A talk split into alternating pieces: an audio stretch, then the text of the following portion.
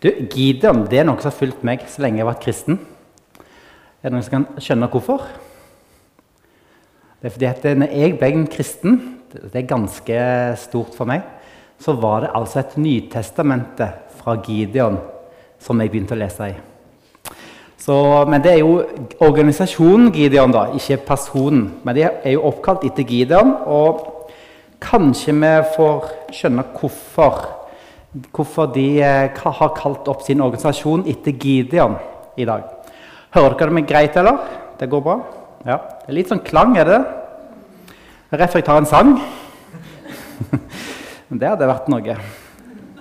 Du, Dommernes bok Det er jo litt rart. For første gang jeg leste Dommernes bok, så ville jeg iallfall aldri kalt det for evangeliet. liksom.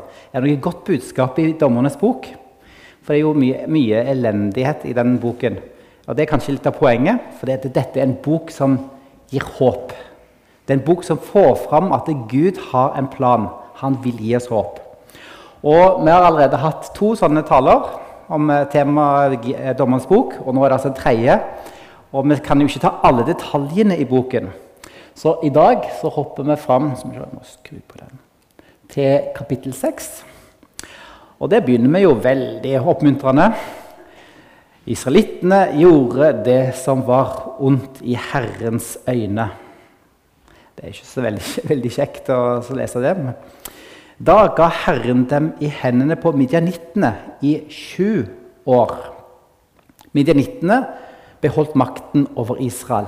For å komme unna midjanittene laget israelittene seg de tilfluktsstedene som er i fjellene, både huler og fjellborger. Jeg tror ikke det var noe særlig gøy å være en israelitt i de dager. Altså, de måtte jo gjemme seg. De hadde det ganske ille. Og dette er altså femte gangen dette skjer i Dommernes bok. Gideon er den femte profet, eh, dommeren som vi møter. Og Dere kjenner til den syklusen som går igjen og igjen i boken. Og det at eh, folket de synder eller gjør ting som ikke er rett i Herrens øyne.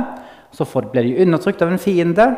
Så roper de til Gud, og så får de frelse ved en dommer, og de får fred. Og så dør dommeren, og så er det på'n igjen. Og Det som er spesielt med, med, denne syklusen, det er at den er ikke perfekt. Altså, er ikke, han er ikke helt lik for hver dommer. Og denne gangen er den siste gangen når vi leser om Gideon, at de får fred i landet. Etter Gideon, når han dør, så, får, så er det ikke mer fred i landet. Da er det bare elendighet. Veldig oppmuntrende. Men nå altså er det disse midjanittene som er blitt fienden til Israel. Og eh, de eh, Det er jo sånn da, i, i, denne boken at det, det er tolv dommere. Og disse dommerne de er fra hele Israel. Noen mener at de er fra alle de tolv stammene. men det er sånn noenlunde alle 12 stammene da. Og så er det det at det, fiendene til Israel kommer også fra alle kanter. Så første fiende vi møtte, det var fra Mesopotamia. Og så var det fra Edom og Moab. Og Sist gang så, så vi om kananeerne, hvordan de undertrykte folket. Og nå er det midjanittene som begynner å undertrykke israelsfolket. Og Midjanittene de er altså fienden fra sør. Da er vi liksom ned mot eh, På den arabiske halvøy, liksom litt ned sånn. På andre sida av eh, denne her eh, Hva heter det? Der som det gikk over Ikke Jordan, men den der åh, Navn Ja, samme det. Uh, uansett, de kom fra sør. Og nå er det sånn at disse midjanittene de var ikke noen sånne som skulle erobre landet og liksom bli konge over Israel og ta liksom mer land. Nei, disse midjanittene de var noen skikkelige kjeltringer. De var bare ute og plyndra og herja. Vi leser hver gang israelittene hadde sådd, kom jenittene og amalekittene og folkene fra øst og gikk til angrep på dem. De slo leir midt imot israelittene og ødela avlingene i landet, helt bort til Gaza. De lot, lot det ikke bli noe igjen å leve av i Israel. Ikke en sau eller en okse eller et esel. De kom med budskap og telt som svermer og gresshopper. Det var ikke tall på dem og kamelen deres. De kom for å ødelegge landet. Israel ble helt utarmet av midjanittene, og israelittene ropte til Herren. De ropte til Herren. Nå hadde de skikkelig problem her. Eh, plundrere som kommer altså og, tar, og ødelegger alt det som de har eh, gjort. Og nå er det sånn at eh, du forventer nå at de roper til Herren, så skal Herren sende til dem en dommer som skal berge dem. Men det gjør han ikke. Nei da, de er ille ute, og hva sender han? Han sender en profet til dem. Da israelittene ropte til Herren pga. midjanittene, sendte Herren en profet til dem. Så det var det de trengte. En tale. Sånn, dere har det ille. Ja, da får dere en tale. Er det det de trengte? Ja, det er det de trengte. For Gud kunne jo bare sendt en dommer og så berga de fra midjanittene, og så var alle happy. Men problemet var jo at de hadde ikke holdt pakten som var gitt. De holdt ikke loven og budene. De dyrka Bal og de andre eh, gudene, og Gud ville vise dem problemet. Så Derfor sendte han en profet til dem. Og jeg må bare minne dere om at det, alt det som vi leste om den elendigheten som de opplevde i Israel på den tiden, dette er, var det skrevet om lenge før. Moses skriver om dette i andre Mosebok, i andre Mosebok kapittel 3. Eh, nei, skal vi se, ikke der. Eh, ja, jeg har kommet ut av hvor det var henne. Men i fall så står det i, i eh, loven at hvis de ikke fulgte pakten, holdt pakten, så hva skulle skje da? Jo, noen skulle komme og ta avlingen deres. De skulle ta, ta dyrene deres. Så alle disse tingene som de nå strevde med, det var lovt skulle komme mot dem hvis de brøt pakten, hvilket de nå hadde gjort. Så hva sier han, han er profeten? Jo, han sier, 'Så sier Herren, Israels Gud', 'Det var jeg som førte dere opp fra Egypt og hentet dere ut av slavehuset.' 'Jeg berget dere ut av hendene på egypterne og for alle som undertrykte dere.' 'Jeg drev dem bort fra dere og ga dere landet deres.'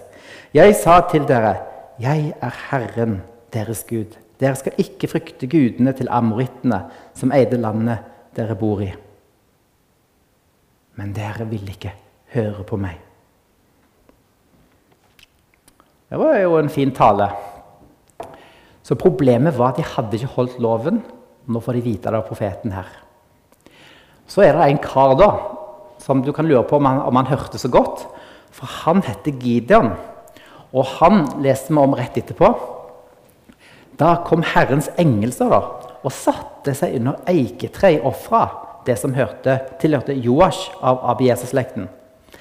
Gideons sønn holdt, til, holdt på å treske hvete i vinpressen for å berge kornet fra midjanittene. Er ikke det rart? Altså, Å treske eh, kornet i en vinpresse det er ganske absurd. Altså, det, gjør du, det er ikke effektivt. Dere vet, Å treske kornet, Da heiv de opp i luften, og så tok eh, vinden og blåste vekk det de ikke ville ha. Så var det kornet som datt ned igjen. Og For å gjøre dette så måtte du ha litt vind, og det var vanlig å ha det på åpne plasser, kanskje på en fjelltopp. Vi kjenner en veldig viktig sånn fjelltopp, gjør vi ikke det? Nemlig der tempelet står. For det var nemlig i utgangspunktet den tempelhøyden. Det var treskeplassen til jebusitten Ornande, står der i, eh, i, i en av kongebøkene. En eller annen plass. Så du tresker liksom ikke i en vinpresse, for det var liksom litt i, koften, i en sånn grop. Der sto altså Gideon og så prøvde å få ordna dette kornet sitt. Og hvorfor gjorde han det? Jo, han var jo livredde for at midjanittene skulle se ham. For Hvis de så at han holdt på å treske korn, da ville de bare komme og ta korn ifra ham. Så han var redd og holdt på det og skjulte seg for disse midjanittene. Så skjer det noe veldig rart. Herrens engel viste seg for ham og sa til ham Herren er med deg, du djerve kriger. Er ikke det litt rart? Her er det en står der og så litt redd og tresker kornet i skjul for midjanittene. Så kommer Herrens engel og sier, 'Herren er med deg, du djerve kriger.' Gideon svarte ham, 'Hør på meg, Herre. Hvis Herren er med oss, hvorfor har da alt dette hendt oss?' 'Hvor blir det av alle hans under, de som fedrene våre fortalte oss om?' De sa det var Herren som brakte oss opp fra Egypt, men nå har Herren forlatt oss og gitt oss i hendene på midjanittene. Har ikke Gideon hørt denne profeten hva han sa? Hvorfor de var der? Hvorfor de hadde dette trøbbelet? Det virker ikke som han hadde helt fått det med seg. Herren var ikke med dem fordi de hadde brutt pakten. Men likevel så kommer da Herrens engel til Gideon. Og Det viser litt av hvordan Gud er. For Selv om de var lovbrytere, de gjorde ting som var ganske ille, så hadde ikke Gud glemt dem. Så nå sender han denne her Herrens engel til dem. Og så får han da en liten leksjon her om, eh, om hvorfor altså, Så sier Gideon dette med Egypt. Og det vil dere merke dere i denne fortellingen at historien om Egypt er veldig viktig i historien om Gideon. Så la oss bare repetere litt om hva som skjedde i Egypt. Eh, I Egypt så eh, var det sånn at folket kom til Egypt. Og så etter hvert så havna de i elendighet og ble undertrykt i Egypt av egypterne. Hva gjorde de så? Altså undertrykkelse. Så ropte de til Herren, står det i, i, i, eh, andre Mosebok. Og Herren hørte de. Hva gjorde han så? Han kalte Moses ut av en brennende busk. Hva sa Moses? Jeg, jeg, jeg, han ville ikke gå, for han følte seg ikke verdig. Han, han kunne ikke snakke og, tale godt, så han følte seg ikke den rette til å gjøre dette. Hva sa Gud? Jo, han skulle være med Moses, og han skulle gå. Og så skulle han få tegn på dette.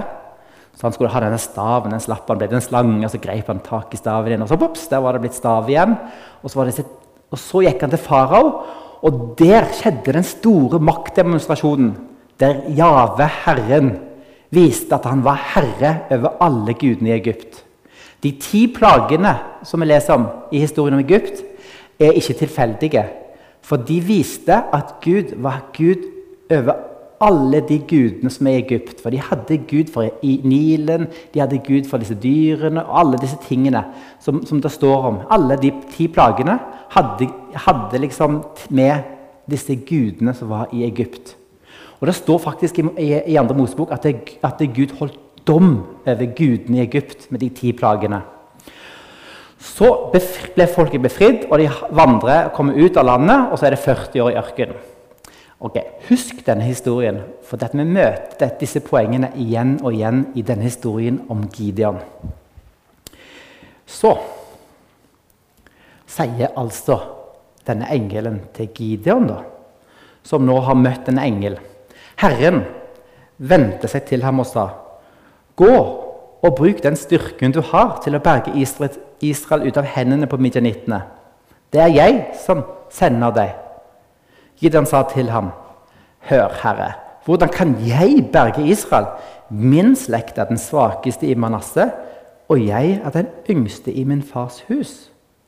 Da sa Herren til ham, 'Jeg vil være med deg. Du skal slå midjanittene alle som en.' Ser dere at, det, at det, som Moses følte seg ikke verdig, så møter vi Gidon på samme måte. Gidon han var ikke i den rette familien. Han var den yngste i sitt fars hus. Men så er det noe rart i den teksten, der, for han sier 'gå og bruk den styrken du har'. Det høres jo ikke veldig sånn kristent ut. Det, det, skal ikke være i vår egen styrke, sier vi. ikke sant? Vi skal gå i Herrens styrke.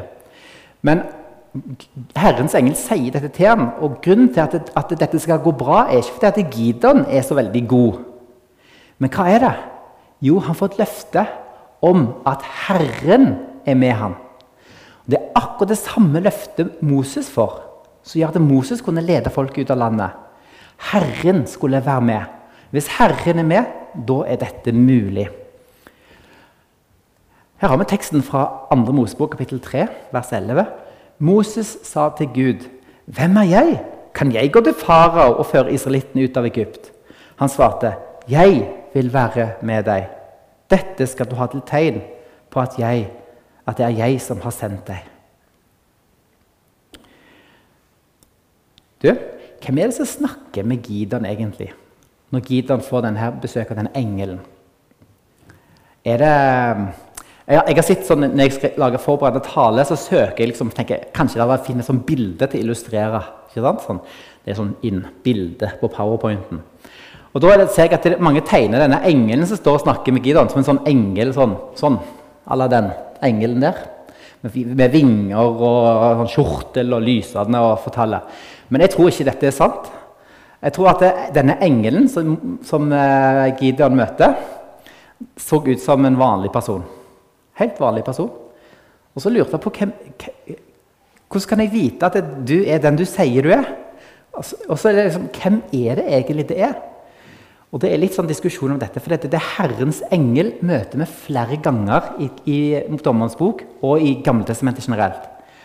Og det som er rart, det er at engelen sier i vers 12 i kapittel 6 sier 'Herren er med deg'. Og Da er det 'Herren' står i store bokstaver i, i de nye oversettelsene. For det er 'Jave er med deg'. Og så i vers 14 så sier plutselig engelen 'Det er jeg som sender deg'. Og så sier han i vers 16 'Jeg er med deg'. Så den Herrens engel mener de fleste teologer da, er ikke annet enn en, det de kaller for eh, preinkarnasjon. Altså et, det er en åpenbaring av Jesus. Jesus som åpenbarer seg for Gideon. Som da viser Han er Herren, jeg er. Så møter han her. Og da blir Gideon litt sånn eh, usikker. For det, hvordan kan han vite at, det, at, han er denne som han sier han er? Så gi meg et tegn, sier han, på at det er du som snakker med meg. Og så, så skjer det noe veldig rart. Noe, noe som forundrer meg veldig. Og jeg har tenkt på det flere ganger. Det er likt i denne historien, og det er likt i historien om Abraham. Og jeg tenker at Det er en annen kultur, det er forklaringen jeg kommer med. Men det er sånn at når jeg skal lage middag og invitere venner, så, så er det sånn at de eh, lurer det er liksom, Klarer jeg å være tidsnok til de kommer? Det, det, klarer jeg nesten aldri. Men sist gang jeg hadde venner på besøk, da klarte jeg det. Sant, Miriam? Men her, altså, her, skal altså Gideon han skal nå lage et måltid til denne engelen, Herrens engel.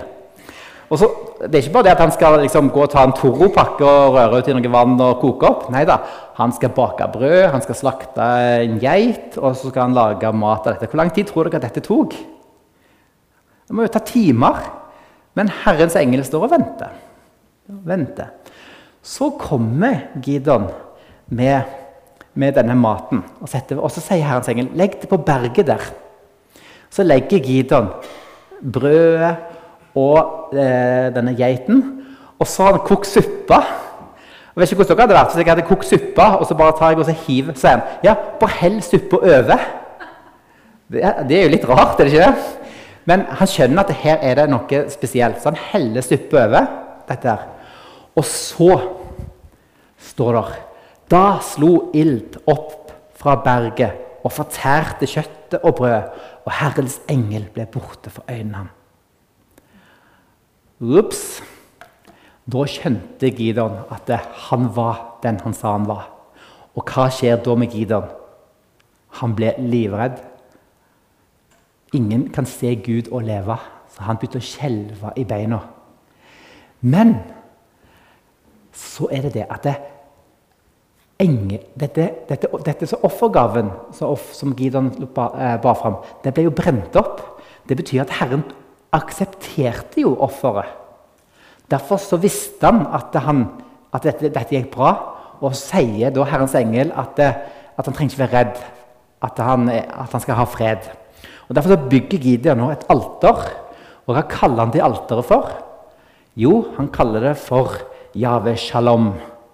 Herren er fred. Herren er fred. Så Så var, det var, kan vi se på som det første tegn. At Gideon fikk Dette her ble, ble da brent opp. Det sto på dette berget. Så får Gideon sitt første oppdrag, og han begynner ikke med å si ja, da er vi klar, da kan du gå og, ta, og angripe midjanittene, for jeg er med deg. Nei, han begynner med kjernen av problemet, som var at israelsfolket trodde at de kunne dyrke Jave, Gud, og Baal og Ashera og alt de andre gudene samtidig.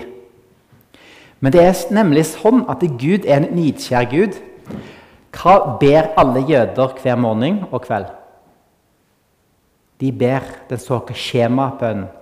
Er nemlig Her, Hør, Israel, Herren vår Gud, Herren er én. Og jeg kan bare si til dere at det er litt vanskelig å oversette til norsk. Men 'Herren er én' kan også oversettes 'Herren alene'. Og Dette hadde de glemt ut. De trodde at de kunne ha Baal-alter og dyrke Jave samtidig. Så det første oppdraget Gideon får, det er å rive ned alteret til Beal som faren hadde, og Ashera-perlen. En sånn perle. Og så eh, det, det, er ikke sånn som du bare gjør. liksom. Eh, bare rive ned det. For det folk, eh, dette var jo noe som folk mente var viktig. sånn at dette var jo livsfarlig å gjøre. Så da tar Gideon med seg ti tjenere, og så gjør han dette om natten. Den djerve krigeren. Men han gjør det. Han får ikke refs for at han gjør det om natten. Han er kalt vel lydig, ikke modig. Så han river ned alteret. Og hva skjer da når de våkner om morgenen? Står opp og Ops! Der var alteret revet ned. Det var bygd et annet alter med en okse på. Og Asjera-perlen var vekke. Så tenker de hvem har gjort dette? Og Så undersøker de, så finner de ut at det, å, det er han der eh, yngste sønnen til Joash som har gjort dette. Gideon han har gjort det. Han må vi drepe. Så kommer far til Gideon han til hjelp, for han sier du, hvis det er sånn at Bal er noe, så kan vel Bal kjempe for seg sjøl? Og så klarte han på en, på, på en, viss måte å berge Gideon fra å bli drept. Og så kalte de Gideon med et nytt navn. Er det noen som husker det? Jerubal. Jerubal. Det står for 'la Baal stride'. Det er litt ironisk. Hvis Baal er noe, så, så må jo han bare ta kjempe sjøl. Da må jo Gideon bli død hvis han driver ned alteret. Men det skjedde jo ikke. Baal er ingenting. Baal er ingenting. Så han river ned dette alteret og denne skjærepælen. skulle jeg visst det. Så begynner altså trøbbelet å, å, å, å, komme på gang her. For nå hadde midjanittene sammen med sine allierte de samla seg. Alle midjanittene, amalekittene og folken fra øst samlet seg. De satt over Jordan og slo leir ved Israelsletten. Ja. Så nå begynte de å kjempe mot eh, nå, de, nå, bygde de opp til en kamp mot jødene, mot Israel. Og de sto der. De var en, hel, en gedigen hær. Og nå leser vi at da, når dette skjedde, da kom Herrens ånd over Gideon. Og det er, det er, litt sånn artig å lese, for det, det, som står på hebraisk, er egentlig at da kledde Herren ånden på Gideon. Han ble ikledd ånden, som, akkurat som å kle seg på. Så Herrens ånd kom over Gideon. Og så leser vi. Da sa Gideon til Gud.: Om du vil berge Israel ved min hånd, som du har sagt, så se hit. Nå legger jeg denne Eh, ja, unnskyld. Eh, nå hoppet jeg litt for raskt fram her. Eh, så Gideon han hadde altså samla folket. men så, så, skjer det noe rart, for det er det, det, det, testen som kommer her. Og Det er mye sånn diskusjon om disse her. for det, det som Gideon sier til Gud nå, det er at det, om du vil berge Israel ved min hånd, som du har sagt, så se hit. Nå ligger jeg i denne nyklipte ullen her på treskeplassen. Så se for dere en enorm hær av, eh, av eh, disse midjanittene. Gideon har samla sammen folk fra stammene rundt det området som denne hæren til midjanittene var samla. Og så, eh, så, ber Gideon om, om, to tegn. Altså ett tegn til, egentlig, fra Herren. Og det Er spørsmål, er det, er, det, er det rett å be om tegn? Er det, er det rett å teste Herren? Og det er jo selvfølgelig ikke rett. er det vel? Vi skal jo ikke teste Herren, men det Gideon gjør her, er noe helt annet. Oh, jeg har lyst til å fortelle historien om når Kristin tester Herren. Skal jeg gjøre det? Får jeg lov? Kristin hun har testa Herren. Nå ler hun. Det er bra hun ler. Jeg får kjeft etterpå. Når jeg, ble, når jeg skulle bli kjæreste med Kristin Dette er litt sånn romantikk, da, at dere tåler det. Når jeg skulle bli sammen med Kristin, så, så, var hun litt sånn usikker på han her typen. Jeg var litt sånn litt sånn tvilsom type, da. Og så, eh, om hun, hun, var jo forelska i meg, det, det, skjønner dere Nei, det skjønner dere jo ikke. Men eh, så, så, så hadde, hadde, vi avtalt at jeg skulle møte henne etter, etter, studietid. Dette var i Bergen, vi var studenter. Og så var hun veldig usikker på meg. Rett? Har jeg foreløpig rett, ja. Så sitter hun hjemme og er veldig i tvil om han her, karen. Så ber hun til Gud. Gud, hvis det er sånn at du vil at jeg skal bli sammen med han, så må han komme nå. Ah, nei, nei, nei, nei, nei, sier hun. Dette går ikke. Jeg kan ikke teste Gud. sette Gud på prøve. Så, nei, så skulle hun bare opp og hente seg et eller annet på kjøkkenet oppe. Så gikk hun ut. Så når hun gikk forbi vinduet, der sto jeg med hjelm og under armen. Så der fikk, hun, eh, der, der fikk hun et lite tegn, da. Så, eh, så jeg lever på det. Så når jeg er, når jeg er når jeg, Ja, dere skjønner. Men tilbake til Gideon. Eh, Gideon han legger denne ullen fram på en treskeplass, står der. Og så skal han liksom teste Herren. Det vil si han skal, han skal liksom ha tegn. Og Noen de kritiserer Gideon for dette, men dette, dette, skal dere ikke kritisere Gideon for. For det Gideon gjør, for det første, han har samla Manasseh og F, altså disse her stammene, da, ikke Efraim. De fikk ikke være med. Det ble de skikkelig sure på etterpå. det skal vi komme tilbake til hvis vi får tid. Men han hadde savna Manasseh og Asher og alle disse her stammene som var rundt dette her plassen der de skulle kjempe slaget.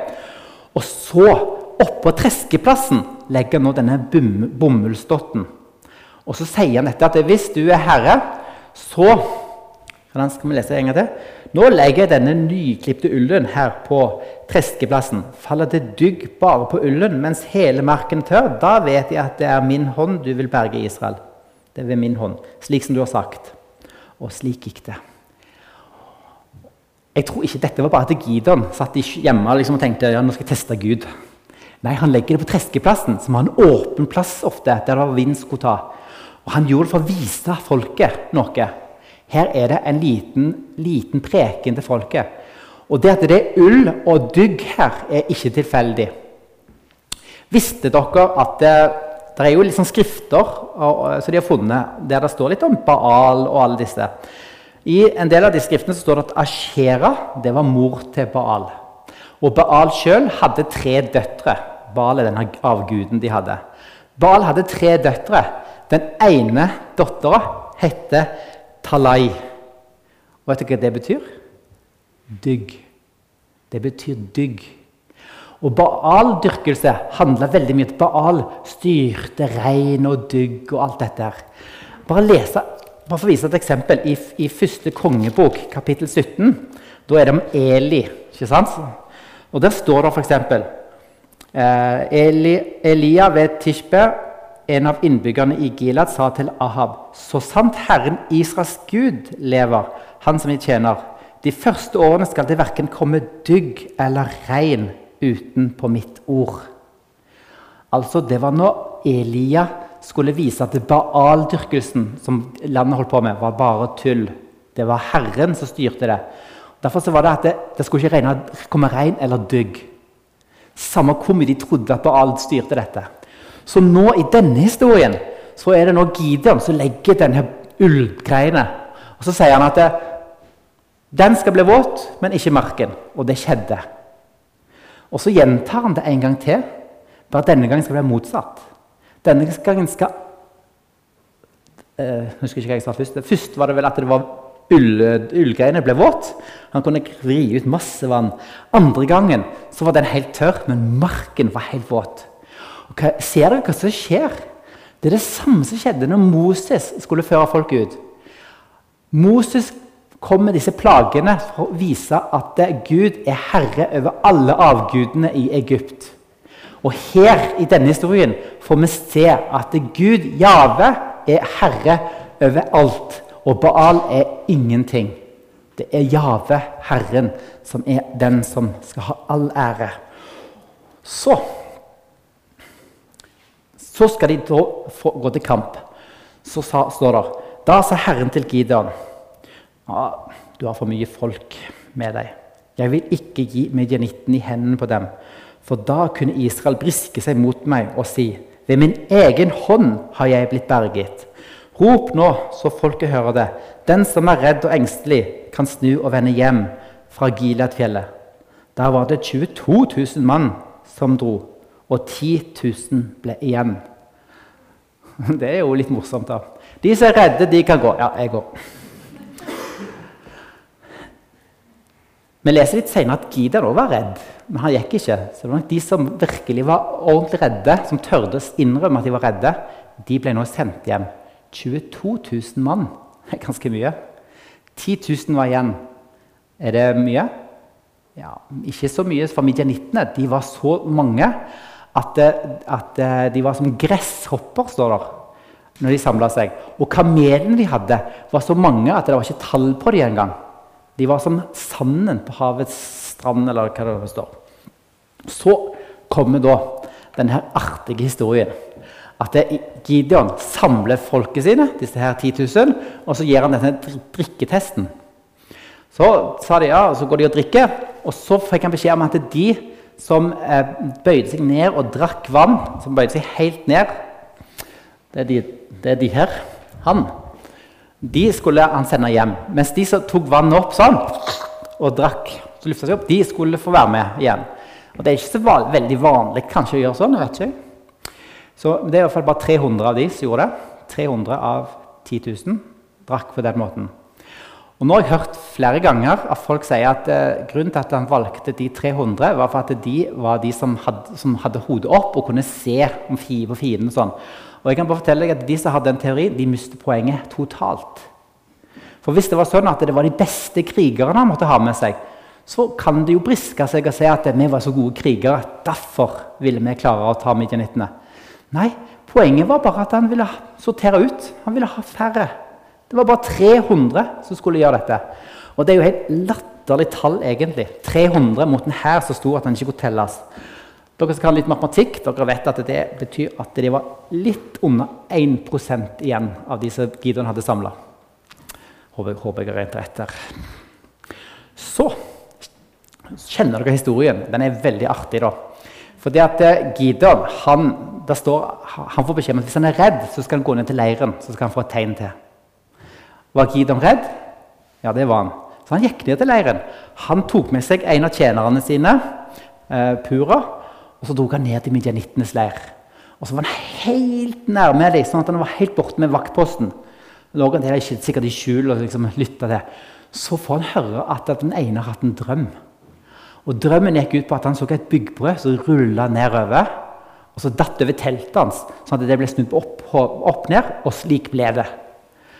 Og så sier han andre kameraten hans da det er Gideon. Han har Herren gitt i hendene på, på, på, oss i hendene på. Han kommer til å kjempe og slå oss ut, så alle som. Og Det er ikke særlig god moral i en kamp når du får høre en sånn drøm. Og Når Gideon hører dette, så skjønner han nå skjønner han, yes, Herren har gitt midjanitten i hendene på. Hva er det første han gjør da? Han tilber Herren. Det første han gjør, er å tilbe. Han skjønner at Jave er herre overalt. Vår Herre Gud, han er den som er troende valgt. Så han tilber Herren der. Så går han opp igjen, og så skjer jo dette rare. da, at Han sier at det, han, har sendt hjem alle, men han, skal bare, han alle, alle, de 300 igjen de skal ikke bruke et eneste våpen.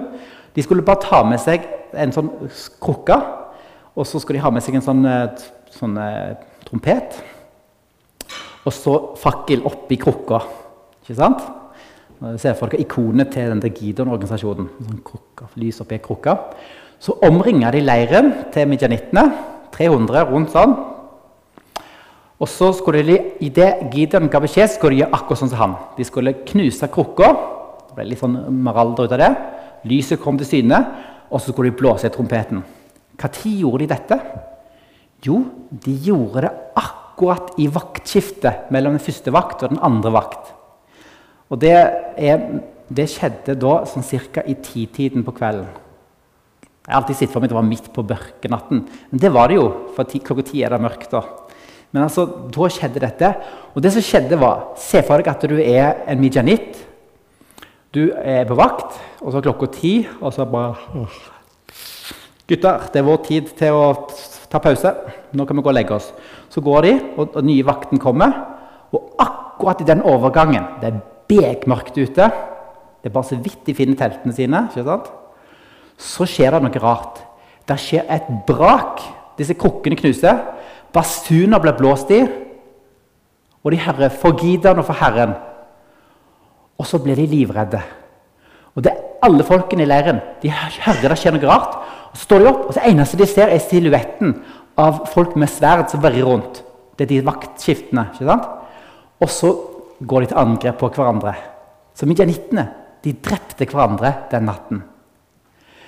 Noen slapp unna eh, og rømte. Og her får vi den mørke siden ved historien. Noen kan si at Den forklaringen jeg nå ga på hvorfor de klarte det, det var jo veldig genial taktikk.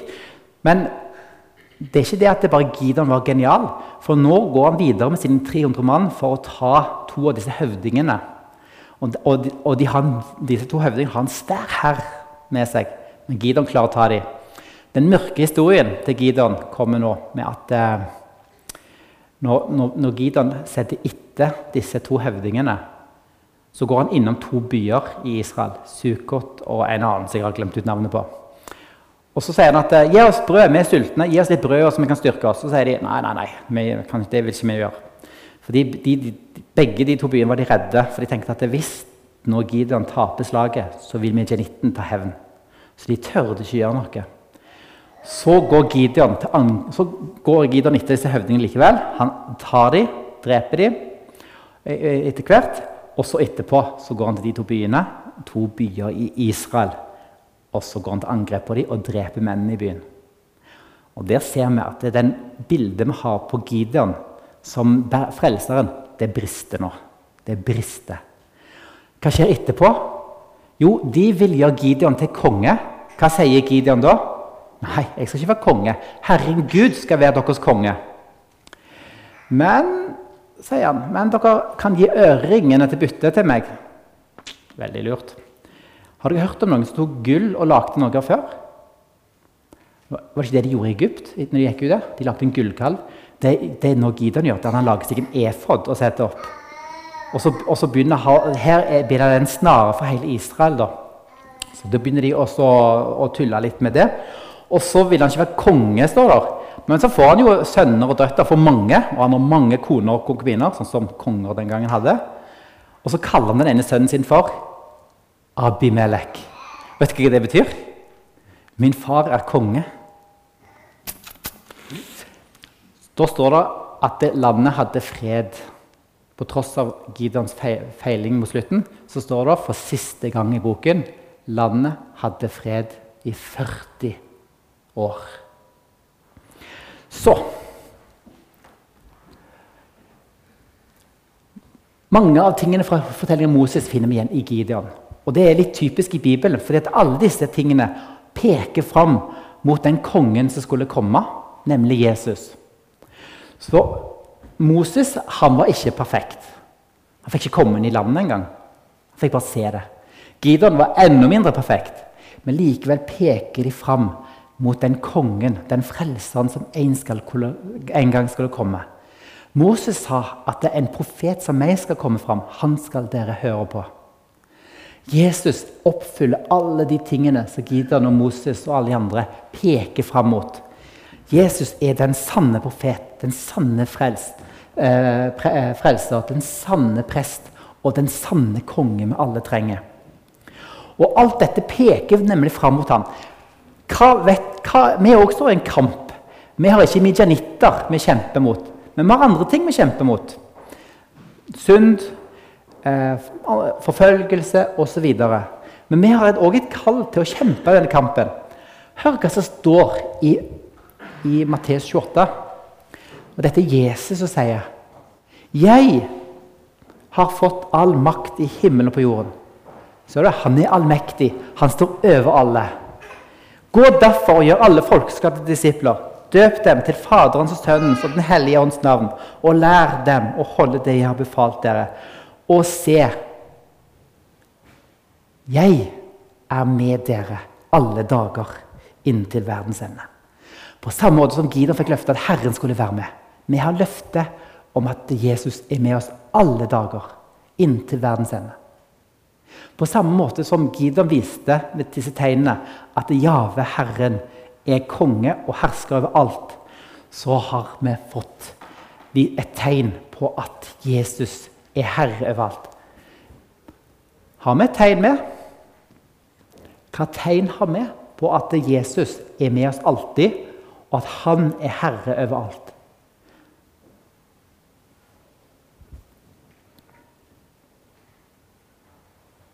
Vi har Jonategnet.